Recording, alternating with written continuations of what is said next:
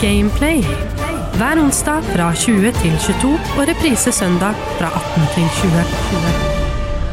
Hjertelig velkommen skal du være til en helt ny episode og helt ny sesong av Gameplay. Det er sesong tre. Eh, veldig deilig å være tilbake, kjenner jeg. Og det er også et nytt år, 2024. Forhåpentligvis et eh, godt år for gaming. Og mens vi snakker om godt år for gaming, så vil jeg si at en av de som gjorde 2023 et godt år for norsk gaming, er studioet Rain Games. Og jeg har fått æren av å få med meg daglig leder for eh, Rain Games Studio i dag på Gameplay. Han eh, er en mann med navnet Peter Vingård Meldal. Eh, velkommen til deg. Jo, takk, takk. Ja, eh, hvordan, hvordan, har du det i dag? I dag er det en ja, bra dag i Bergen, så eh, jeg koser meg. Ja, fordi det er ikke noe hemmelighet her at dere holder jo til i Bergen, så vi måtte jo gjøre det online. Um, mm. Men dere har holdt til i Bergen siden oppstart? Det stemmer. Ja. Kan du ikke ta oss litt igjennom, fordi du er jo først og fremst daglig leder, men du har jo også vært eh, historieforteller, spilldesigner og teamlead eh, på, på Tesla-grad, blant annet. Så ta mhm. oss litt igjennom først. Hva er Rain Games? For du virker jo som eksperten her, som kan eh, svare på det spørsmålet. Hva er, hva er dere for noe? Så ja, Daglig leder høres jo veldig høytidelig ut, men vi startet jo opp eh, som en bitte liten eh, gjeng med folk som var interessert i å få bygget noe i lag. Eh, vi har, har, jobbet med spillet siden vi startet selskapet i 2010. Og en del av oss uh, drev allerede og prøvde å bygge ting utenfor uh, selskapsstruktur før det. Og jeg endte opp med at det var en gjeng med folk fra litt forskjellige bransjer, faktisk. Som kom sammen da for å lage et selskap. Dette her var før det var veldig vanlig altså Nå har det blitt kommet et par andre spillselskaper i Norge, men det var akkurat da en del av de som har vært der rundt i dag, startet opp sånn cirka. Så dere var ganske tidlig ute? Ja, altså du hadde Funcom fra før. Uh, men annet enn det så var eh, det ganske tomt på kartet. Du hadde noen andre strev med litt spesielle ting rundt omkring. Mm. Men det var det. Men uh, dere har jo da Dere har jo uh, vokst, ettersom jeg har forstått det, og, og etablert dere veldig som et spillstudio. Tror du mhm. flere spillstudioer uh, som nå har poppet opp rundt om i Norge, har blitt inspirert av dere? Kan jeg være så arrogant å spørre om det? uh, må jeg være så arrogant å svare. Altså, det er vanskelig å si. jeg håper jo og tror at, at et spillstudie inspirerer andre. Mm. Uh, men uh, du, når du ser på ikke bare oss, da, men når du ser på spillbransjen i Norge generelt, så er det veldig mye av oppmerksomheten vi har er fra utlandet, mm. og ikke nødvendigvis alt sammen fra Norge. Selvfølgelig, De som går en linje og studerer dataspill, og sånn, de blir jo fort kjent med i hvert fall noen av spillselskapene rundt omkring i Norge. Ja. Uh, men bare for å ta et eksempel, da. vi selger ca. 4% av spillene våre i Norge. Uh, og alt annet uh, selges alle andre steder. Uh, så det er litt annerledes. altså Som en medieindustri, så hvis du ser f.eks. istedenfor på enten musikk, eller musikk selger for sånt også hele verden på Norge, men spesielt film og, og TV, ja. så er de bransjer som er veldig veldig synlige i Norge. Men det er også hovedmarkedet til bransjene. Ja. Men spiller litt motsatt. Det treffer mer eller mindre den internasjonale arenaen med en gang. Og uh, og miljøet istedenfor det er veldig spredt i hvor folk eh, får det med seg, og hvor folk kjenner til det. Så blir det heller en nisje eller et miljø, eh, men de er da fra overalt. Eh, ja, det funker på en annen måte. Og jeg tror folk derfor er ofte litt mindre kjent med spillselskapene, ikke bare i Norge, men i landet sitt generelt, mm. enn de ville vært til sine nasjonale film- og TV-selskaper, for å ta det som sammenligning. Da kan man nesten legge litt skylda på nordmenn for å ikke støtte hverandre veldig lokalt, da. Fordi eh, si, dere har vel kanskje da ti ganger så mange eh, hva skal man si, kunder eller, eller, kjøpere av spillene deres i USA som dere har i Norge? Det stemmer. Det er uh, Ja, men altså det, er ikke, altså det er ikke unikt for norske befolkningen. Det er litt sånn med den europeiske spillfansene generelt sett. Eh, at uh, med spill så litt mindre tilknytning til nasjonen og sånn, da, ja. enn det er med andre medier. Uh, hvorfor det er det? Det blir et uh, akademisk spørsmål, tror jeg. Men det er definitivt tilfellet, ja. Hva er det dere driver med? Vil du sånn lage en liten muntlig CV av prosjektene deres hittil? Så eh, vi startet i eh, 2010 med et spill som aldri noensinne kom ut. Eh, vi brukte ett år på å ikke lykkes med å lage det. Det heter Minute Mayhem. Kanskje det går an å spare noe opp på internett fra det. Litt sånn eh, eksempel på lost media. Sånn fortalt historien. Ja, definitivt. Um, eh, så for å ta en ny musikkreferanse, så satt vi på kostymelageret til Casio Kids og lagde det greiene som var i praksis vårt første kontor. Oi! Siden, siden det var noen av de som jobbet eh, Altså eh, eh, Aslak Oliver som jobber her, som hadde jobbet med de tidligere. Jeg laget noen eh, musikkvideoer for de og vært med og laget scenekulisser og sånt. Okay. Så hadde vi gode kontakter der vi kunne få noe For å sitte litt i det Som sagt, det var et kostymeworkshop, da. Men hvor Men det var- var en kostymeworkshop i Det er i Bergen, da, men det er eh, langs Store Långåsvann. Så det er sånn kunstnerkollektiv som eksisterer der. Oi! Uh, og det er i en gammel betongbygning. Det var uh, på en eller annen måte varmere enn ute om sommeren og kaldere enn ute om vinteren. Uh, det var helt uh, hårete å sitte der. Så eh, jeg husker det. Så det er første året med, med produksjon vi hadde. da. Eh, og det var sånne ting som at vi kunne ikke gå fra at Jeg gikk fra en kaffekopp der som knuste fordi vannet utvider seg når det frosser. Så eh, du finner fort altså, du, du kan ikke egentlig sitte altså, Jeg måtte sitte og prøve å type med hansker som var vanskelig, så det, det gikk ikke helt. Så jeg prøvde å lage en liten øy med T-lys mellom meg og tastaturet. For å holde hendene varme mens vi jobbet der. Og Det var det første året, da. Og var en ting opp med å jobbe med noe som ikke lyktes heller, men mens vi sleit med det prosjektet, og mens vi satt der inne Jeg husker den vinteren så jækla godt, fordi uh, det, var, det var så kaldt at Storlåga, som er saltvann, frosset eh, over. Eh, unntatt et akkurat liten bit ved broen inn eh, der hvor sjøvannet kommer inn, for der strømmer det raskere. Så kråken drev og tok skjell derfra og droppet de på isen for å knuse de. Og det lagde lyder som du hørte gjennom hele dagen. da. Som var sånn bakgrunnsstøy. Ja. så utrolig Litt sånn jordnært og litt sånn koselig at det startet så utrolig eh, uprofesjonelt, da, og nå har bygd seg opp til å være nominert til store priser og sånn, men det kommer vi videre til etterpå. Uh, fin beskrivelse. Jeg uh, må jo være ærlig og innrømme, jeg har ikke rørt både Tesla grad 1 eller 2. Derfor har jeg litt lyst til at du skal selge meg inn på spillet. Og det kan også for så vidt funke for eh, lytteren der ute som også ikke har spilt det ennå. Så kan du selge meg litt inn. eh, hvorfor bør jeg spille Tesla-grad? Hva er det for noe? Eh, Det er en, eh, en plattformer som eh, med en sammenhengende verden. Det kalles ofte Metroidvania som en sjanger. Mm. Og jeg, allerede for Teslagrad 1 så baserte vi det veldig på å ha en, en fysikk, altså at verden har ordentlig fysikk som en approach. Kjernen er magnetisme og magneter. Og forstå hvordan disse fungerer, og hvordan kreftene fra de kan hjelpe deg å slenge deg gjennom et rom. eller noe sånt. Hvis du noensinne har satt på en pult og lekt med magneter, og hvordan de på en måte påvirker hverandre, både hvordan de kan tiltrekke og hvordan de kan frastøte hverandre, og du tenker at du kan slå en av de av og på og kan bruke de kreftene til å bevege deg, da, Mm. Uh, Så det er en stor uh, kjerne av det som vi uh, lagde til Tesla Grad 1. Samtidig så gjør vi en historiefortelling i spillet, hvor vi ønsket å fortelle en historie med forskjellige hendelser i seg, uten å si et kløyva ord. Det vil si at vi ønsket å vise all, alle tingene som skjedde ved på handlingene til karakterene og NPC i spillet. Og det er også uten å ha cutscenes, forresten. Oi. Så eh, det skal alt sammen skje i action mens du hadde kontroll over spilleren. Så dere er veldig dedikert til det som er eh, visuelt, da? Vise, Ja. show, don't tell? Ja, altså Det ender da opp med at jeg, jeg eksempel skriver en svær eh, altså Jeg har en avhandling av både hva plottet er og eh, hva forhistorien og sånt er. Og det blir da opp til eh, spilleren å eh, innføre eller forstå både det som skjer i handlingen nå, og også hva som har skjedd i fortiden. For det er forskjellige ting. Eh, så relikker fra fortiden, bilder av, statuer av, og til og med et sånn mekanisk teater du finner noen steder som viser scener fra fortiden satt opp med enkle mannekinner som beveger seg på stokker og bjelker. Og jeg da uh, testet det, akkurat som vi testa gameplay, så måtte vi da teste historien på folk og se hvor mye de forsto av det som foregikk. Og jeg, eh, ja, vi måtte jo gå noen iterasjoner på det mens vi utviklet, samme som vi en måte med, med spillmekanikk og art og sånt.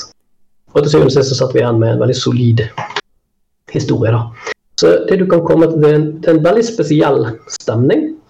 så Opprinnelig Tesla-grad er en slags blanding av eh, ja, Bergen og eh, Moskva. Så vi ønsket å ha som er gradnavnet der, så veldig sånn russisk eh, bakgrunn òg. det er en fantastisk verden som ikke er virkeligheten. Så vi så for oss hva hvis Moskva som sånn metropol var en regnfullt i stedet for en snøfylt by.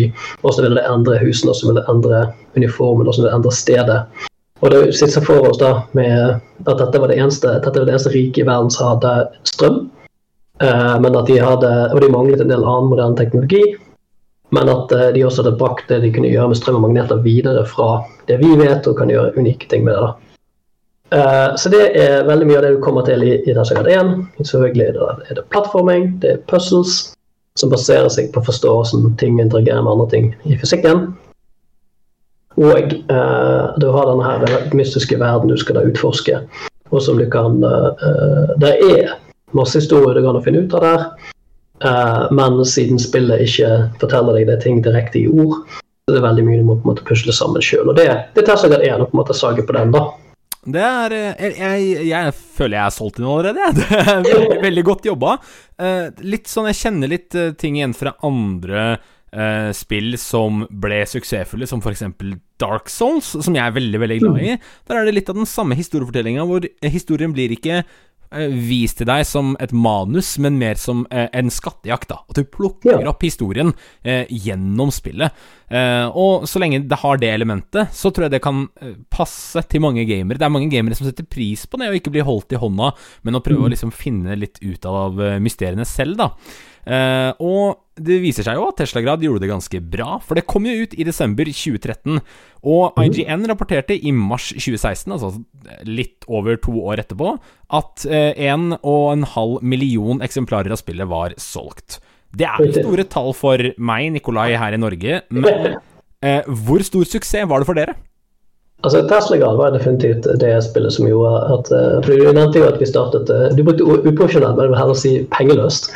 Uh, fordi det er ikke uvanlig for spillselskaper. Det er ingen i Norge som investerer i det, bare som en grunnsetning. Nei. Kanskje noen kanskje har at de Funcom en gang, men det var jo lenge etter de hadde startet opp. da. Mm. Så eh, Med mindre man har en rik onkel, hvilket vi definitivt ikke hadde, så må du bare på en måte bare begynne. Og så må du finne inntektene etter hvert. da.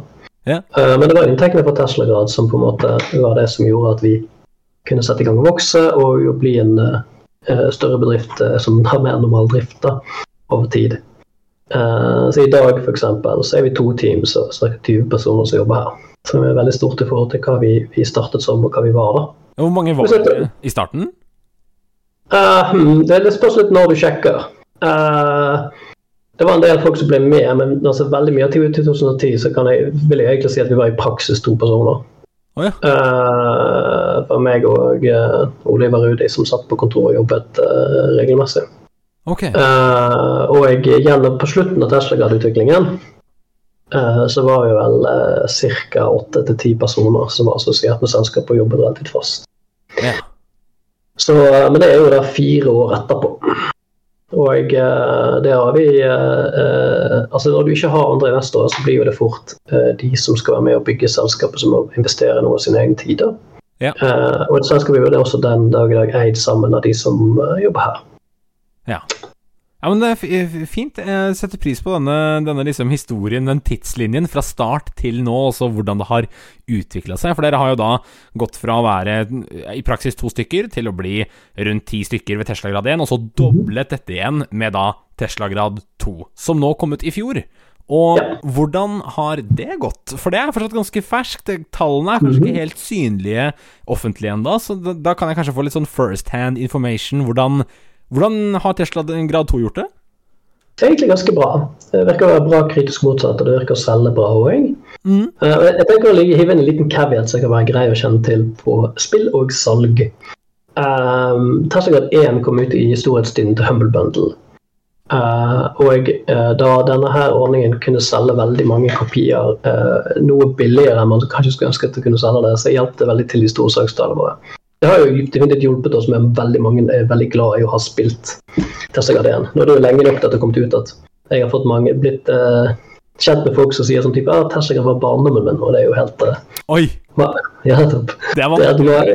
Yes, det er det. Ja, det, det er det dere gjør, da. Dere former jo oppveksten til folk. Dere former jo det innholdet de konsumerer. Dere lager jo en fanbase, på samme måte som jeg var fan av Dragonball da jeg var liten, liksom. Så ja. ja dere gjør jo det. Um, og det er litt det spillet handler om. Det å sette inntrykk. Her er ukas playback. Da er vi i den aller første spalten, Playback. Playback er jo spalten hvor vi tar en titt i ba eh, barndommen og bakgrunnen til dagens gjest.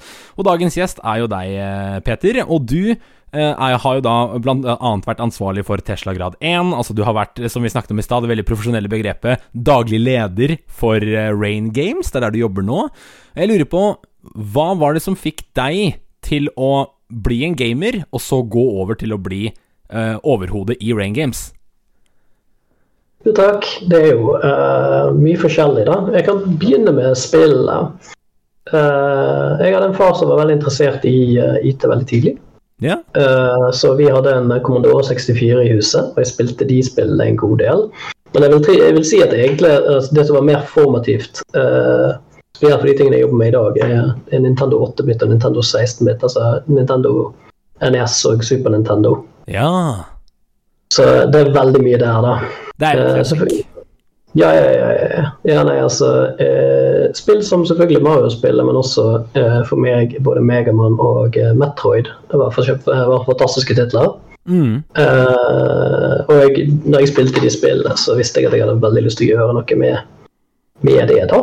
Mm. Det må sies dog at jeg er, jeg er glad i alle slags spill. Eh, det er også brettspill, rollespill og den type ting. Ja. Og jeg, eh, av disse her så er nok dataspill kanskje den som er vanskeligst å jobbe med. Eh, Snakker av erfaring.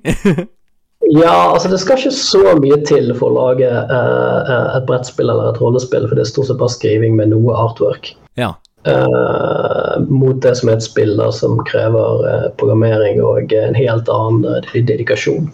Så jeg brukte veldig mye tid på å bygge brettspill og rollespillregler eh, en lang periode. Mm. Og det er veldig mye der kommer jeg ble mer vant til åssen det er å være en spilldesigner. da. Eh, og åssen å bygge noe som andre folk kan bruke og sette pris på. Og vite det at i det øyeblikket du slipper det, så kommer folk til å bruke det. Og du kommer ikke til å være til stede ved bordet for å kunne rette på dem når du gjør noe galt. Og få den ideen av eh, spilldesign som, som en underholdningsform for andre enn seg sjøl. Ja. Uh, Det er godt sagt, faktisk. Så det kom, det kom sånn som en sånn Det var en inspirasjon som liksom bygde seg opp, da. Høres ut som mer enn at du bare ramla i det, og så plutselig så var jeg gamingutvikler, liksom. Men at det var mer enn du, du skjønte det mer og mer, at dette her er noe jeg har lyst til å gi andre mennesker. Denne gaven av å game noe. Yep. Ja. Ja, definitivt. Og jeg også på en måte uh, ser hva som funker dårlig, hva som gjør folk glad, hva som på en måte gjør folk irritert. Ja. Eh, jeg har, eh, eh, jeg har en, eh, et spørsmål jeg liker å spørre aspirerende spilldesignere, som er Forklar hvorfor er Monopol er et dårlig spill. Og så lar jeg de kjøre på. Jeg trenger ikke engang spørre hvorvidt det er et dårlig spill. Det, det er ikke noe riktig svar heller. Det er bare sånn du vil bare høre hvor de ligger an. Eller har, har, du, har du et svar på det? Eh, altså selvfølgelig det er mange ting du kan trekke frem, da, men det er tre spesifikke ting. Eh, jeg vet ikke om jeg har lyst til å gi det vekk engang. Men det er tre spesifikke problemer i Monopol som ikke trenger å være der. Okay. som definitivt er det. Hvis du spiller Monopol nok og observer, observerer humøret folk ender opp i i løpet av Monopol, og hvorfor de ender opp i det humøret, så kan du treffe de tre eh, skal vi si, spiky bitsene i Monopol. eh, som er det som fører til det. Ironisk nok så la den opprinnelige spillesønnen inn noen av disse her problemene med vilje. Ja. Fordi eh, Monopol er ment å være et spill som skal vise deg eh, hva problemene med kapitalismen. Og det lykkes de. Ok, la oss trekke det enda litt mer tilbake til røttene. Hva var ditt aller første spill? Sånn totalt, Du snakka jo om Commodore 64. Sånn, husker du ditt første? Det er to spill som var på den eh, med en gang når vi fikk den. Jeg husker ikke hvilken av de jeg åpnet først. Eh, det ene heter Bonzo, som jeg tror veldig få har et forhold til. Men Det involverer bl.a. stiger og elefanter. Ok. For det andre jeg tror jeg veldig mange kjenner igjen, for det er Pac-Man. oh ja, var du faktisk Var du en av de hvor Pacman var introduksjonen din til spill? Ja. Jepp. Hva To spill på kassett. Eh, God gammeldags sånn type musikk du kunne brukt, vært brukt til kassett, så du måtte spille igjennom for å få lastet hele greia inn. Det er sjarmerende. Hvordan var Pacman da du åpnet øynene for det første gang? Altså, akkurat sånn som det er i dag. Men det, jo, det var jo veldig fascinerende, for det var første gang jeg spilte noe der uh, det var på en måte meg mot, motspillet, meg mot systemet. da.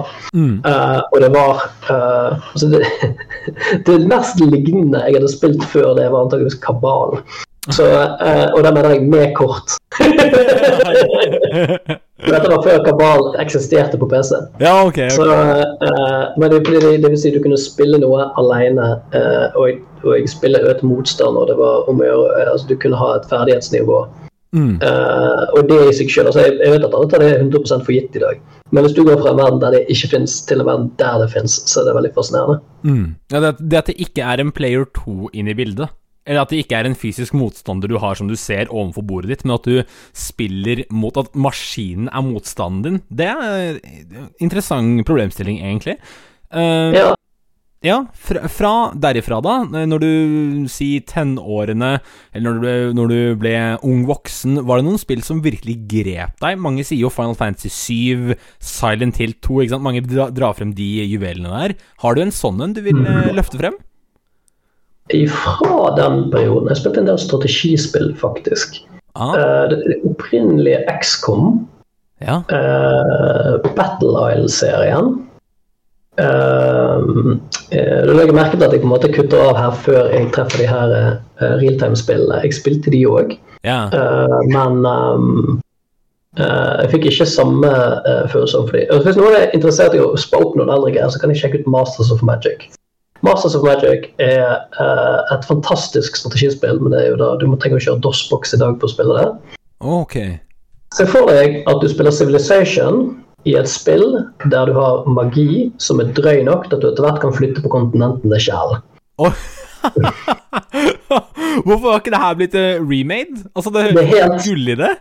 Det er fantastisk, et fantastisk spill. Altså, det er bare et eksempel. Du har to dimensjoner. og jeg tenkte, ja, nei, altså, ja. Hvis du har muligheten til å sette ned og spille et pixelbasert uh, spill på DOS-box, sette Masters of Magic og prøve å finne ut hvordan i alle dager det funker i dag, uh, så er det et et spill uten sidestykke. Så uh, Hva het det, sa du? Det skal jeg ta med meg videre. Masters of Magic. Masters of Magic. Ok, det, du, det høres helt fenomenalt ut, og jeg er eh, så irritert over at ingen har fortalt meg om det tidligere. um, jeg, jeg, jeg, er en strategifyr selv. Jeg har jo har sanket inn uh, over 1000 timer totalt på Crusader Kings-spillene, Civilization. Mm. Uh, så er det et litt sånn eldre et som jeg lurer på om du kanskje drar kjensel på da. Kommandos-serien. Er det noe som du kjenner til? Ja, jeg kjenner til Kommandoserien, men det er et eller annet med den som ikke helt uh, Altså, I den retningen så ville jeg heller gått for XCOM. Ja, du er mer på hærmanagement enn sånn enkeltfigurer som beveger seg rundt på kartet, kanskje, eller? Ja, altså XCOM er jo enkeltfigurer som beveger seg rundt på kartet, men også i XCOM-serien, med en gang vi fikk inn realtime-elementene, så syns jeg spillet bare var svakere. Ja, ok, riktig. Ja, ja den ser jeg faktisk. Uh, ok, kult. Uh, videre over til litt mer personlige ting, da. Er det noen sterke øyeblikk fra din gaminghistorikk som som har preget deg? Altså, som har fått deg til å gråte, le, sinneutbrudd? Har du noen hull i veggen fra spillet? Fra noen spill? jeg er ikke så sint på, på spill. Jeg tror folk stort sett blir det av multiplayer-spill uansett. Ja. Uh, og de kom, altså de stort sett kom litt seinere, egentlig der jeg var et voksnere og mer sindig menneske. det er lov å bli sur når man er voksen nå, men uh, har du noen, eh, noen, øyeblikk du husker da? Noen sånn veldig touchende historier, eller noe som du kan uh... altså, Du nevnte allerede Final Fantasy 7. Altså, det, var en, det var første gangen jeg så uh, historiefortelling i spill treffe på det nivået. da. Ja. Uh, nå er det Square Enix som har gjort varianter av den samme historien både før og etter det, og jeg har på en måte foredlet det. Men jeg hadde egentlig allerede en opplevelse med Final Fantasy 6.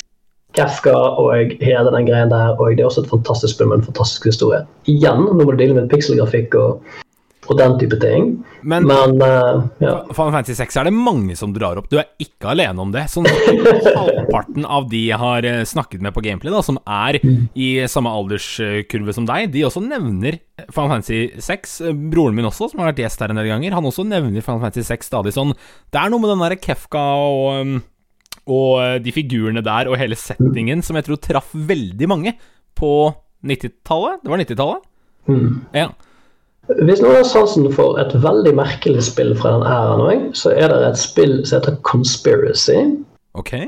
eh, som dreier seg at du spiller KGB-agent i den gamle Sovjetunionen, og der er en eller annen form for konspirasjon som foregår, som du skal prøve å nøste opp i i form av å være KGB-agent. Wow. Uh, og designet i det spillet er batshit. Uh, uh, altså ok, så, så dette her er jo da et pixelart-spill. Eh, men det er med fulle portretter av folk og sånne ting. som det er, Fordi du går til litt point click-aktig på noen nivåer. Ok. Eh, Men så har det en attributt som ikke folk har turt å gjenta etterpå. Som er det spillet Det er et par ting. For det første så antar jeg at du har de samme kognitive fakultetene som en KGB-agent ville hatt. No handholding. There you go. Ja. Jeg kan gi et eksempel på en puzzle litt senere som jeg måtte finne ut av, som var øh, øhm, ikke OK. Men øh, øh, altså, de går i scenarioer og i dager. Uh, vanligvis er scenarioet scenario i løpet av én dag, og du har en klokke som går real time mens du spiller. Og folk er i forskjellige lokasjoner, og ting skjer på forskjellige tidspunkter i løpet av den dagen. Du kan f.eks. ta en, en båndrekorder, legge den i et rom, skru den på, og så komme tilbake til det rommet senere, slå den av, og da vil du på de tidspunktene der det har vært samtaler i rommet, så vil du høre det, eller du hører tekster, det var ikke lyd, altså, det var ikke voice acting i spillet. Men da kan du, får du de samtaler du ikke kunne være til stede for. Seriøst? Ja, ja, ja. Det er, det er litt sånn Kojima av dem, altså. Det er litt Metal Gear eh, på noe type game design. Veldig forut for sin tid. Yes, men det er jo selvfølgelig veldig lett. Hvis du messer opp bare en bitte liten ting i løpet av en dag, så vil du være ute av stand til å få gjort det. Ja, ok. Ja. Uh, men ok, så her er et eksempel, da. ja. Uh, du uh, finner en kryptisk beskjed som blir sendt til deg. Det er en lapp du finner, og så er det noen som ringer i telefonen på hotellrommet ditt. Hvis du går ned i lobbyen, så blir du skutt i hodet, du vet ikke hvorfor. Oi. Og det du må gjøre da Du må desifrere lappen, som er en ekte kode som du bare må gjøre sjøl. og du må desifrere eh, telefonsignaler. Jeg husker ikke helt nøyaktig hva det er, men jeg tror det, det, det gir en sånn beskjed som er sånn type eh, eh, eh, Send en SOS, sier han. Okay. Så det som står i meldingen. Og du har ingen måte å sende en SOS på. Men det du skal gjøre, er at du skal morse SOS med lysbryteren i rommet ditt før du går ned. Og, og grunnen til at du eh, blir skutt i hodet, er at en lokal eh, CIA-agent som tror at du kan være en infiltratør. Men hvis du er en ekte CIA-agent, så vil denne her lille konen han setter deg, være Child's Play. Uh, det er helt spettsprøtt. Og så bare den ideen Jeg klarte å desifrere de to tingene relativt raskt, men jeg forsto bare ikke hvordan jeg skulle sende det signalet. Og heldigvis gikk jeg på speideren på det tidspunktet, så vi hadde lært morsekode. Ok. Og så tenkte jeg jeg bare morsekode det med lysbryter. For det var, dette er sånn pre Vi hadde ikke internett eller noe sånt. Så Fant du ja. det selv? Ja, jo.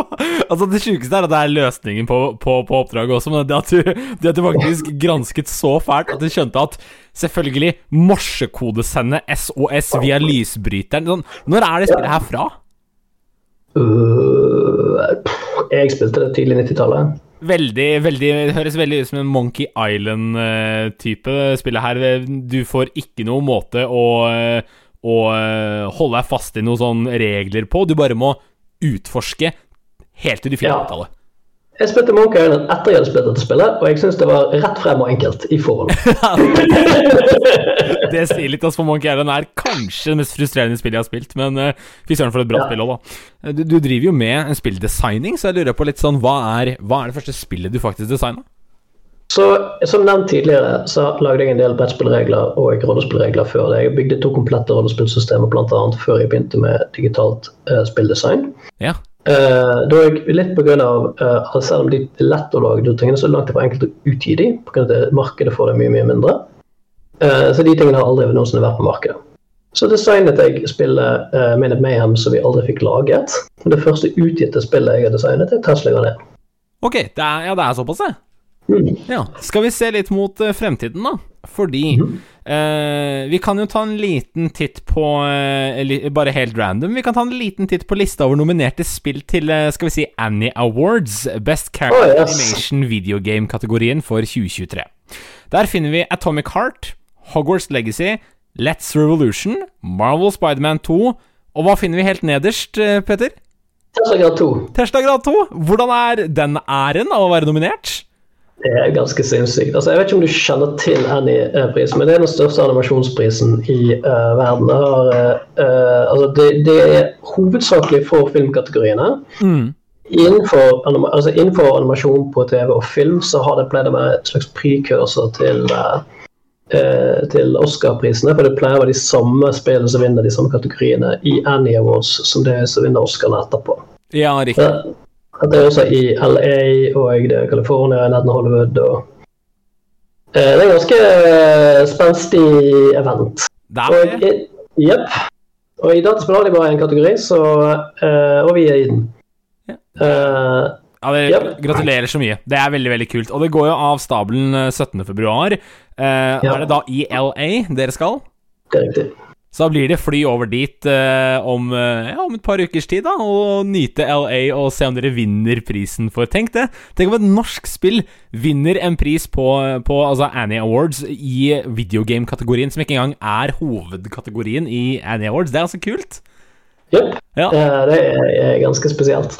Det det. Uh, så uh, det er jo Det er noen harde spill vi har uh, opp mot oss der. Uh, altså, jeg vet ikke om du har sett animasjonen i Spiderman 2, heller, men altså, det er motion capture på et eget nivå der. Ja, den er ganske Eh. syk, og altså Hogwarts Legacy Kanskje ikke stiller så mye med eh, akkurat animasjon, men Hogwarts Legacy tok jo på en måte alle avis... Eh, det var jo artikler over det i hytt og pine da det kom ut, så det er jo en, Ja. en gigant per nå.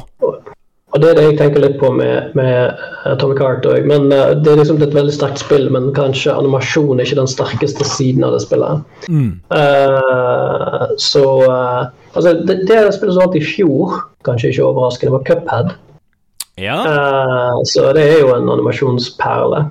Mm. Og jeg, jeg vet egentlig ganske godt hvorfor, selv om det var overraskende på et vis, så vet jeg hvorfor vi har blitt valgt ut. Fordi altså eh, Måten vi gjorde animasjon på til spillet, var ved å bruke veldig mye eh, 3D-modeller og overføre det fra 3D til 2D sprites.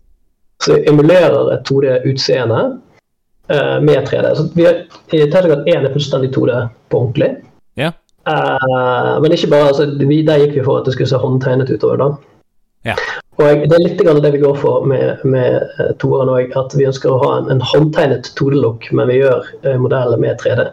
Ok. Uh, og det er også en, en viss sånn stuttering og staggering. Altså, jeg mener, hvis du ser uh, Into Spider-Verse eller uh, Puss in Boots 2 av alle ting, Mm. uh, så ser du en, form for uh, veldig effektiv eh, moderne animasjonsteknikk. eh, som hvor de med vilje dropper en god frames for empathize action. Ja. Uh, der er Det ser nesten litt sånn stop motion ut, ikke sant? Er det den, yeah. den stilen du tenker på? Ja, ja. Det er korrekt. I spill så har det vært et lite lignende problem. Etter hvert som frameraten har blitt bedre, så har det blitt vanskeligere å identifisere beatsene i karakteranimasjonen. Det har blitt mindre ehm, eh, fokus på keyframes. Og det gjør det faktisk vanskeligere å spille på et vis, hvis du skjønner hva jeg mener. Mm, mm. Uh, fordi før som enklere karakterer så hadde du færre på en måte uh, animasjonstransitions og sånt. Ja. Eh, og det gjorde at eh, det var vanskeligere og eh, Det var enklere den gangen å se på en måte at dette er det bossen holder på å gjøre, dette er den staten han er. Dette er det karakteren holder på med, her er det den framen de skal hoppe på. Sant? Fordi han faktisk holdt den litt. Grann. Men når det er helt fluent, så er det vanskeligere å, å forstå den interne mekanikken til spilleren. Det Det skjuler ja. blir litt sånn at det henger igjen litt Eller timingen blir vanskeligere, da, for spilleren. Er Ja. litt, litt der, ja. Um, men Og samtidig kan ting føles mindre punchy òg. Og så- Akkurat sånn som et- Samtidig kan ting føles mindre punchy òg. På samme måte som at Puss in Boots virker veldig uh, si, actionfullt og, og impactfullt. Ja. Så det er veldig mye på grunn av uh, den, uh, den si, stop motion-looken. Mm. Ja, det, det er et godt poeng, faktisk. Men det, det, dere klarte det jo, da, åpenbart, å, å på en måte kombinere denne stilen, eller få det til å fungere. Og det er jo veldig gøy at folk har plukket opp på det og sett at den animasjonen her fortjener litt praise. Vi kan ikke la dette, dette unike For det er litt unikt å gjøre det på den måten dere har gjort det.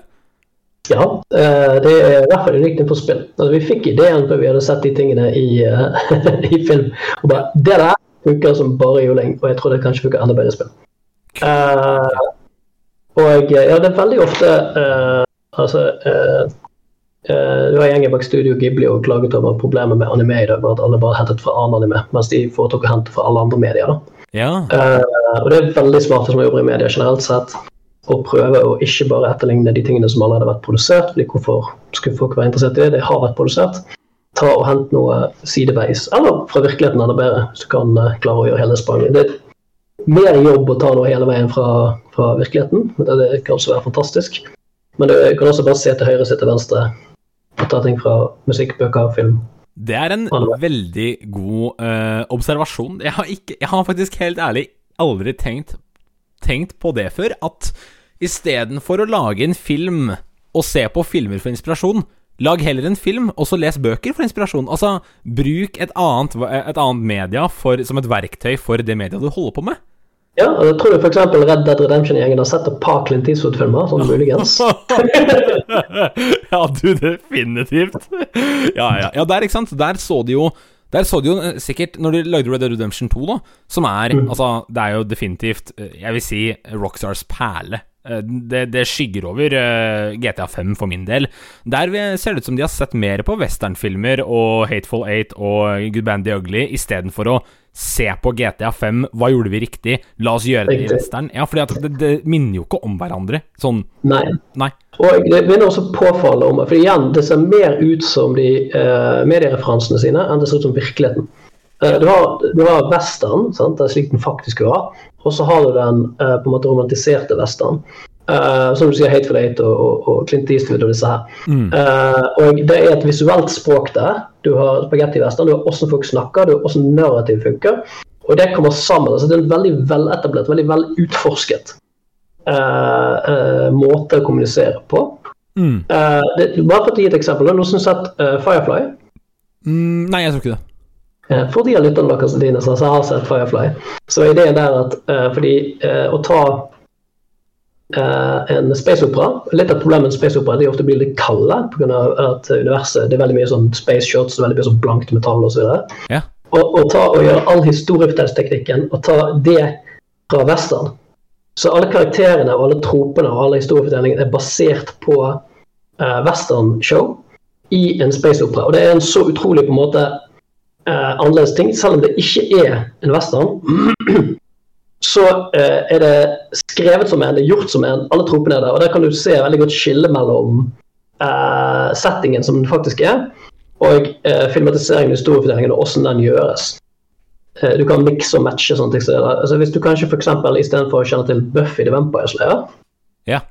Eh, så er det satt i scenen av en eh, high school drama med alle high school drama-tingene og alle high school drama-karakterene. Mens det er, eh, og det er skrevet litt som en high school drama, mens det egentlig skal dreie seg om vampyrer. Så på en måte, vi er Vampire Slayers her, men det er skrevet som high school drama. Ok. Eh, Det morsomme er at til og med vampyrene i serien faller inn i høyskoledramatropene og er skrevet som høyskoledramakarakterer. Jeg har en, jeg har en, eh, en, eh, en, en lik si, eksempel, jeg også, på tampen. Uh, Taxi Driver er vel også egentlig en westernfilm, men bare laget om som at hvis han hadde vært en cabdriver, da. Jeg har hørt noe om det også, og sånn som spillet Inscription, kan jeg se for meg har, eh, har eh, brukt dette her som et verktøy. At de har sett på Han som lagde Inscription, har jo, er jo et veldig geni, da. Men at han har sett på mange andre spill, og så brukt det som inspirasjon istedenfor å faktisk spille kortspill for å lage et kortspill, da, hvis du skjønner hva jeg mener. Sånn, hvis du har spilt Inscription eller sett det, så eh, skjønner du kanskje hvor jeg vil hen, men det er jo veldig sånn eh, Et bra verktøy, det der. Å hente inspirasjon fra andre medieplattformer. Så tenk deg følgende. Nå har vi sett uh, Dungeons Dragons spille i årevis. Du har også sett en veldig sterkt et nylig i form av Baldur's Gate 3. Ja. Hvis du skulle laget et nytt uh, Dungeons Dragons-spill opp, kan du ikke prøve å, å matche de, men hvis du skulle gjort noe interessant, f.eks., Mm. så ville jeg sagt OK, lag et uh, Dungeons Dragons-spill, men skriv det som at det er Army of Darkness. Hvis du har sett den filmen. Der. ja, ja, ja, ja. Army of Darkness, ja. Hell yeah! Nei, yeah, baby!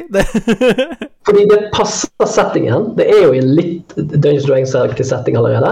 ja. Ja, Du, du trenger ikke å ha en dude fra fremtiden for å høre de greiene der. Men det er en slags form for goofy, uh, men fremdeles veldig Altså, den er både veldig metal og veldig goofy samtidig. Ja. Og på en måte som funker veldig bra for, uh, for filmen. da. Og det er ingenting med Dungeons Dragons-universet som ikke ville funket med den måten å skrive på. Så du bare ser Army Darkness lenge nok til du forstår hvordan det er skrevet, og så skriver du Dungeons Dragons som det er. Det er ekstremt ja. kreativt eh, tenkt, altså. Jeg, jeg, er ikke kapabel til å tenke i de banene der, men når jeg hører det nå, så blir jeg veldig, veldig inspirert, for det er uh, utrolig kult. Det er vel noe av de samme de også gjorde med, med Disco Elysium, var det ikke da? De prøvde å liksom mm. gjøre denne Overføre DND-rollen uh, videre, men i form av en helt annen måte å spille det på. Eller en slags helt annen verden, da. Andre dimensjoner. Ja, det er skrevet som om det er før loading i Las Vegas. Ja, akkurat. wow. Okay. Dette er mind-blowing for meg, egentlig. Uh, ok, men det, jeg, må, jeg, må, tenke mer på det her når jeg leser ting eller ser ting. Uh, for eksempel hvis jeg ser uh, Ringenes herre, som jeg, som jeg mhm. tenker Ok, hvordan kunne Ringenes herre vært en romcom-novelle. eller, eller, sånn. Ja, tenker på det. Easily! ikke sant, ikke sant? Uh, veldig kult. Vi må, vi må videre til uh, Ja, det blir vel det siste spørsmålet for i dag. Hva er fremtiden for Rain Games? Og da legger jeg selvfølgelig stor vekt på Tesla grad 3. Er det noe Er det noen tanker, er det noen uh, visjoner for fremtiden der? Så vi har ikke annonsert Nå har vi jo kommet ut med to spill i fjor. Uh, så vi kom ut både med Tesla Grad 2 og vi kom ut med Girl Genius. Ja. Og det gjør jo at uh, det tar oss stort sett tre år å lage et spill. Det tar oss uh, minst et år før vi i det hele tatt annonserer det. Mm -hmm. I hvert fall offentlig offentlig annonserer det. Det finnes forskjellige dark source-måter å få ut dette informasjon fra norske spillindustrien før vi er helt klare. Men ja. det er i hvert fall en av de som det finnes i hvert fall metainformasjon på. Uh, men uh, vi har ikke likt Og her er en ting jeg tror det er poeng òg. Uh, vi har ikke likt å gjøre Vi gjorde ikke Tesla-grad 2 rett på tampen av Tesla-grad 1. Vi lagde både World to the West og Mesmer imellom de spillene. For det er ti år imellom, faktisk. Yes. Ja. Jeg tror ikke vi skal la det gå så langt denne gangen, men jeg tror i hvert fall vi skal ett spill mellom. og grunnen er veldig enkel. Altså, de gangene du ser et spill bli laget rett på halen av det forrige, så det er veldig typisk at du ser at det er mye mer uinspirert. Og jeg skjønner akkurat hvorfor. Mm -hmm. Vi ender opp med å samle gode ideer til et spill over litt tid. Og du bruker alle de gode ideene dine når du driver og jobber med et spill. De eneste tingene du sitter igjen med, er de tingene som ikke var gode nok til å make the cut. Og det er ofte det du ender opp med å se hvis folk går rett på, på neste mann. Uh, ja. Så det her er det dere vil unngå. Dere vil ikke få en slags sånn uh, Sånn writers block uten nok inspirasjon, og så blir det bare sånn Tesla grad 2,5. Liksom dere vil ha en ordentlig satsing hvis det skal bli ja. en treer. Det skal, være, det skal være gøy å spille og, og vel, vel uh, gjort. Altså, jeg mener, uh, jeg fikk snakket om Tesla grad 1 i sted, men så Tesla grad 2 uh, eh, Forskjellen der er selvfølgelig det er mye mer, altså, mye mer av de samme tingene. Mm. Men vi har funnet måter å altså, Tesla tror 2 er så mye mer om bevegelse. Du kan bevege deg veldig mye mer si, raskere og mer eksotisk. Uh, og det virkelige lek. Altså, det er veldig gøy å spille spillet når du på en måte uh, får de bevegelsene på riktig måte. Og den andre biten av det uh, er at vi flytter setting, så Tesla 2 er veldig mye mer skandinavisk. vi har lyst til å lage en altså, En av spørsmålene stilte oss, er hvordan ville det sett ut hvis de folkene som lagde stavkirkene, bygde en oljeplattform? Uh, i, i, den stilen, da. Ja. Fordi altså, Du vet hvordan Japan de har tatt, tatt sin sånn Edo-periode-stil og har vært i stand til å på en måte impose den på science fiction. Ja. Altså, når jeg sier Neo Tokyo, så har du allerede et bilde i hodet av sånne shrines og neonlys og, og sånne ting. Så det. Ja. Og det er en awesome setting. Men, uh, for, um, uh, men for den norske kulturen, hvis den blir representert noen gang, så må den representeres slik den var uh, vikingene som vikinger og, og historiske ting på plass. da. Ja. Uh, men det bør jo gå an å ha fantasy-vikinger. Og ikke bare at fantasy-vikinger er barbarer med horn på, men la de føles skikkelig som vikinger. La ting se ut sånn som vikingene bygde det. Bare at dette her er steampunk-vikinger med luftskip. Uh, og uh, sikkert du føler at det ikke liksom bare uh, hva skal si, Clash of Clans, goofiness-vikinger, men at det er kule nei, Vi er jo ikke helt fancy, men sånn science fantasy eller steampunky vikinger. Om det er liksom eh. stav... Altså, det er Nordic stavkirke-klokketårn, eh, da. Eller stavkirkeoljerigg, som du sa. Eh, det er en utrolig kul, kul tanke. Stavkirkepunk. Stavkirke. Uh, ja, fordi vi, Jeg nevner jo steampunk av og til, men det er når du skal få tekken til å ikke se helt moderne ut. Men vi har jo ikke hatt cogs på ting, så det er ikke den stilen da. Det ser ut som en alternativ teknologisk utvikling. Uh, og kulturen er mye mer altså Dette er en verden som er preindustriell fortsatt. Eh, men, eh, men teknologien har eh, på visse områder kommet veldig langt. da. Mm. Så der lagde vi et eget, en egen bit av verden vår som vi kalte Vyrmheim. Uh, som er en sånn fjordete, krokete Norgeplass uh, uh, med en skremtøy, uh, drauger og skumle ting. Ja, hører Norge. Yes. Dystre daler. At det er et eller annet med det mørket da, og de mystiske skogene og på en måte de gamle mosekrodde steinene. Mm. Vi hadde en svært tur rundt omkring i Norge og tok en titt på mesteparten av Vestlandet. Vi har jo det rett i bakhagen vår her, så Ja, litt sånn eh, på utflukt for å, se, for å få inspirasjon. det er helt riktig. Altså Det ser ut, og Hvis du kommer opp i de her dalene her i Vestlandet, så ser det ut som troll burde bo her, fordi de stedene er altfor store Ja, ja. De er jo helt vanvittige. Altså Hvis man kjører i f.eks. Møre og Romsdal, da, så er du, du er jo bare i en svær dal i midten av liksom de høyeste fjellene. Det er som du kjører mot Gondor, liksom. Det er helt vanvittig. Eh, jeg har fått et kjempegodt inntrykk. Eh, ikke bare av Rain eh, Games, men også av deg, av dine tanker. Eh, av, av deres eh, sånn kun, kunstneriske og kreative visjoner, men også liksom hva Tesla-grad 1 og 2 har å by på. Eh, og jeg vil egentlig bare takke deg for at du møtte opp i dag, og at du ble med på, en, eh, på sesongpremiere av Gameplay, tenkte jeg. Jo, takk. Eh, kjempegøy å være med. Og besøk oss hvis du er i Bergen. det skal og, jeg gjøre. Still Tesla Grad 1 og 2. Ja, det skal jeg også gjøre. Du hører Gameplay Radio Metro. Men fra Peter og Rain Games skal vi tilbake til eh, helgen som var. Da tok jeg turen til Danvik folkehøgskole, en skole jeg har gått på eh, tidligere, på radiolinja, men også en skole som denne helgen hadde Global Game Jam. Hva er det, og hvordan er det, og hvordan er egentlig en spillinje på Danvik? Vi tar turen dit. Eh, Da er vi på eh, Global Game Jam eh, på Danvik folkehøgskole. En skole jeg selv har gått på. og jeg går inn i spillklasserommet som ser ganske likt ut som alltid. Det er PC-er til sikkert eh, 100 000 totalt her. En rekke med elever som ser alle veldig lidenskapelige ut. Og så møter jeg en av de som har jobbet med noe. Hva heter du for noe? Eh, Mathias. Eh, ja. Ja, Mathias, hva er din rolle i Eller først, først og fremst, hva er Global Game Jam? Eh, Global Game Jam er vel eh, hvor man samles sammen, mange sammen, og bare lager noe spill eller noe sånt over en kort periode med tid. Basert på et uh, tema man får, da. Og hva er det temaet dere har fått? Eh, temaet i år har vel vært eh, Make me laugh, så vi skal prøve å lage noe som har noe med det å gjøre, i hvert fall. Komediespill, rett og slett? Ja, rett og slett. Eller ja, ja komediespill, egentlig. Hva er din rolle i det her, da? Eh, jeg er vel eh, På det prosjektet vi holder på med nå, så er jeg vel eh, mest programmerer og spilldesigner for det. Eh, så jeg programmerer litt hvordan tinga funker og uh, tenker tenk litt på hvordan vi spillet skal liksom gå, da, på en måte. Hvis det gir mening.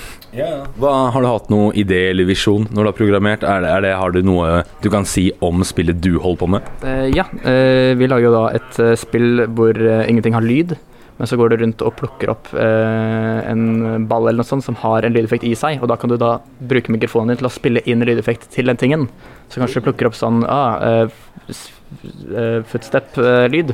Og da kommer det sånn ah, OK, spill inn lyd på ett sekund eh, for footstep. Og da kommer da den lyden til å være i spillet resten av spillet. Hver gang du går. Så det blant annet. Så du lager ditt eget sounddesign, altså? Ja. Enkelt og greit eh, når du spiller. En bra måte å løse det på i tilfelle dere ikke har en sounddesign-dude på teamet. Nei, ikke sant. Det var altså ganske Hva, hva fikk deg til å bli med på spillinja sånn generelt, da? Uh, nei, jeg har egentlig veldig lenge hatt lyst til å lage spill. Uh, og så så jeg at det her var en mulighet, da. Og hadde veldig lyst til å ja, prøve, prøve litt mer profesjonelt enn det jeg har gjort selv, på en måte. Ja. Hvordan syns du det har, eh, har vært så langt i året? Nå er vi jo, er vi jo midten av ditt folkehøyskoleår, da. Hvordan har det vært? Nei, jeg syns det har vært veldig hyggelig. Blitt kjent med masse folk. Og uh, syns det har vært enda morsommere å lage spill enn det jeg allerede trodde fra før av. Og, og så videre. Så ja, jeg koser meg veldig. Vil du anbefale det til andre som har lyst til å lage spill, at dette her er veien å gå? Ja, det vil jeg definitivt si. Det er i hvert fall en ganske enkel måte og en ganske sosial måte å gjøre det på. Eh. Så du får lære deg veldig mye om hvordan du jobber i gruppe og kan prøve på forskjellige roller og så videre. Så veldig moro. Her står jeg da med Jarl, ikke sant? Yes, sir. Ja, eh, Du eh, leder litt her på, på prosjektene i år, eller? Ja, sånn lite grann i hvert fall, siden jeg er stipendiat. Ja. Ja. Hva, fortell meg litt. eh, hvordan, går, eh, hvordan går prosessen? Nei, jeg tror det er, det er litt færre i år. Eh, mest fordi at i fjor var det obligatorisk, så da måtte alle være med. Eh, så nå er det mest de som eh, kjenner seg litt sånn, har litt ekstra energi, da. Fordi vi har akkurat vært ferdig med en stor sprint før, eh, før eh, Game Jammen kom. Ja. Så det er noen som føler at de, de er ikke så interessert i å sette seg inn i et nytt spill, for vi starter igjen på mandag okay. med fullt kjør igjen. Så, men de som har litt ekstra energi, de ble med på jammen. Ja. Ja. Og eh, du sa nevnte noe at du skulle ha workshop nå, fordi det er jo eh, lørdag nå mens vi er her, så det er liksom midt i helgen. Folk er kanskje litt slitne. Hvordan gikk denne workshopen? Å, nei, den eh, Jeg spurte om jeg kunne få lov til å mm, få en tid litt seinere, eh, men det var ikke mulig. Så jeg sto jo klar klokken halv elleve, eh, og da var det ikke så mange som var våkne. Og de som var våkne, de var litt sånn akkurat spist frokost og ville sitte og spille litt. Ja, så da ble det ikke noe blender-workshop, eh, men eh, kanskje neste år. Kanskje neste år. Ja, men Det er fint å høre. Ellers har det vært eh, greit på spillåret så langt. Du er jo stipendiat, som du sa. Da har du jo gått her, da går du her et år til, og så gikk du her i fjor. Eh, gikk du spill i fjor også, eller? Jeg gikk spill i fjor også, ja. Ja, okay. Hvordan, eh, hvordan har Danvik vært eh, som en plattform for eh, spillutvikleraspiranter? Å, veldig bra. veldig bra. Men best på, mest pga. Eh, de andre elevene. da. For du skaper deg små grupper der du føler ok, jeg er god til å for eksempel tredjemodellere. Da finner du deg en god koder, og så lager dere et kult spill sammen. Ok, så du, du skaper din eget eh, team, liksom? Uh, ja, uh, men det er mest som fritid. Men altså, gjennom skolen så setter de opp uh, gruppene for dere også. Men sånn, du føler at du har lyst til å De du følte du klikka litt med, som nå jeg fant en god koder, han er jeg så god venn med, da lager vi noe etter skoleåret er ferdig. Ja, Ja. kult. Du, du skaper deg kontakter, da, i hvert fall, som du kan ta med videre inn i arbeidslivet. Ja, det gjør du helt klart. Er det noen praksisplasser det tilbys, eh, sånn for de som interesserer seg i spill? Ja, de, de praksisplassene som vi har fått her på Danvik, eh, i hvert fall som vi, eh, vi fikk i fjor, var jo Level Up, og så var det Portal One kom jo også innom. Så det var de praktisplassene som var mest egna for spillelevene. Så her møtte jeg eh, Marius. Eh, Hva er din rolle i Global Game Jam? Eh, Min rolle i Global Game Jam er at jeg er frivillig. Så eh, jeg ble spurt og takka ja til å være her og hjelpe opp med å sette programmet. Så det blir jo da enten å Det var jo da enten å sette opp forskjellige workshops, som er en time satt av hvor man kan lære en ny ting på en kort tid. Eh, Så det kan jo være alt fra lyd til form 3D-modellering til uh, koding osv. På en sånn uh, veldig kort måte, sånn at du kanskje i hvert fall får en liten smakebit av hvordan det er å jobbe med det. Selv om du kanskje ikke får så mye kompetanse rundt det, så får du iallfall litt mer uh, bilde på hvordan det fungerer. Og det her kan eh, alle fra alle linjer bli med på, eller?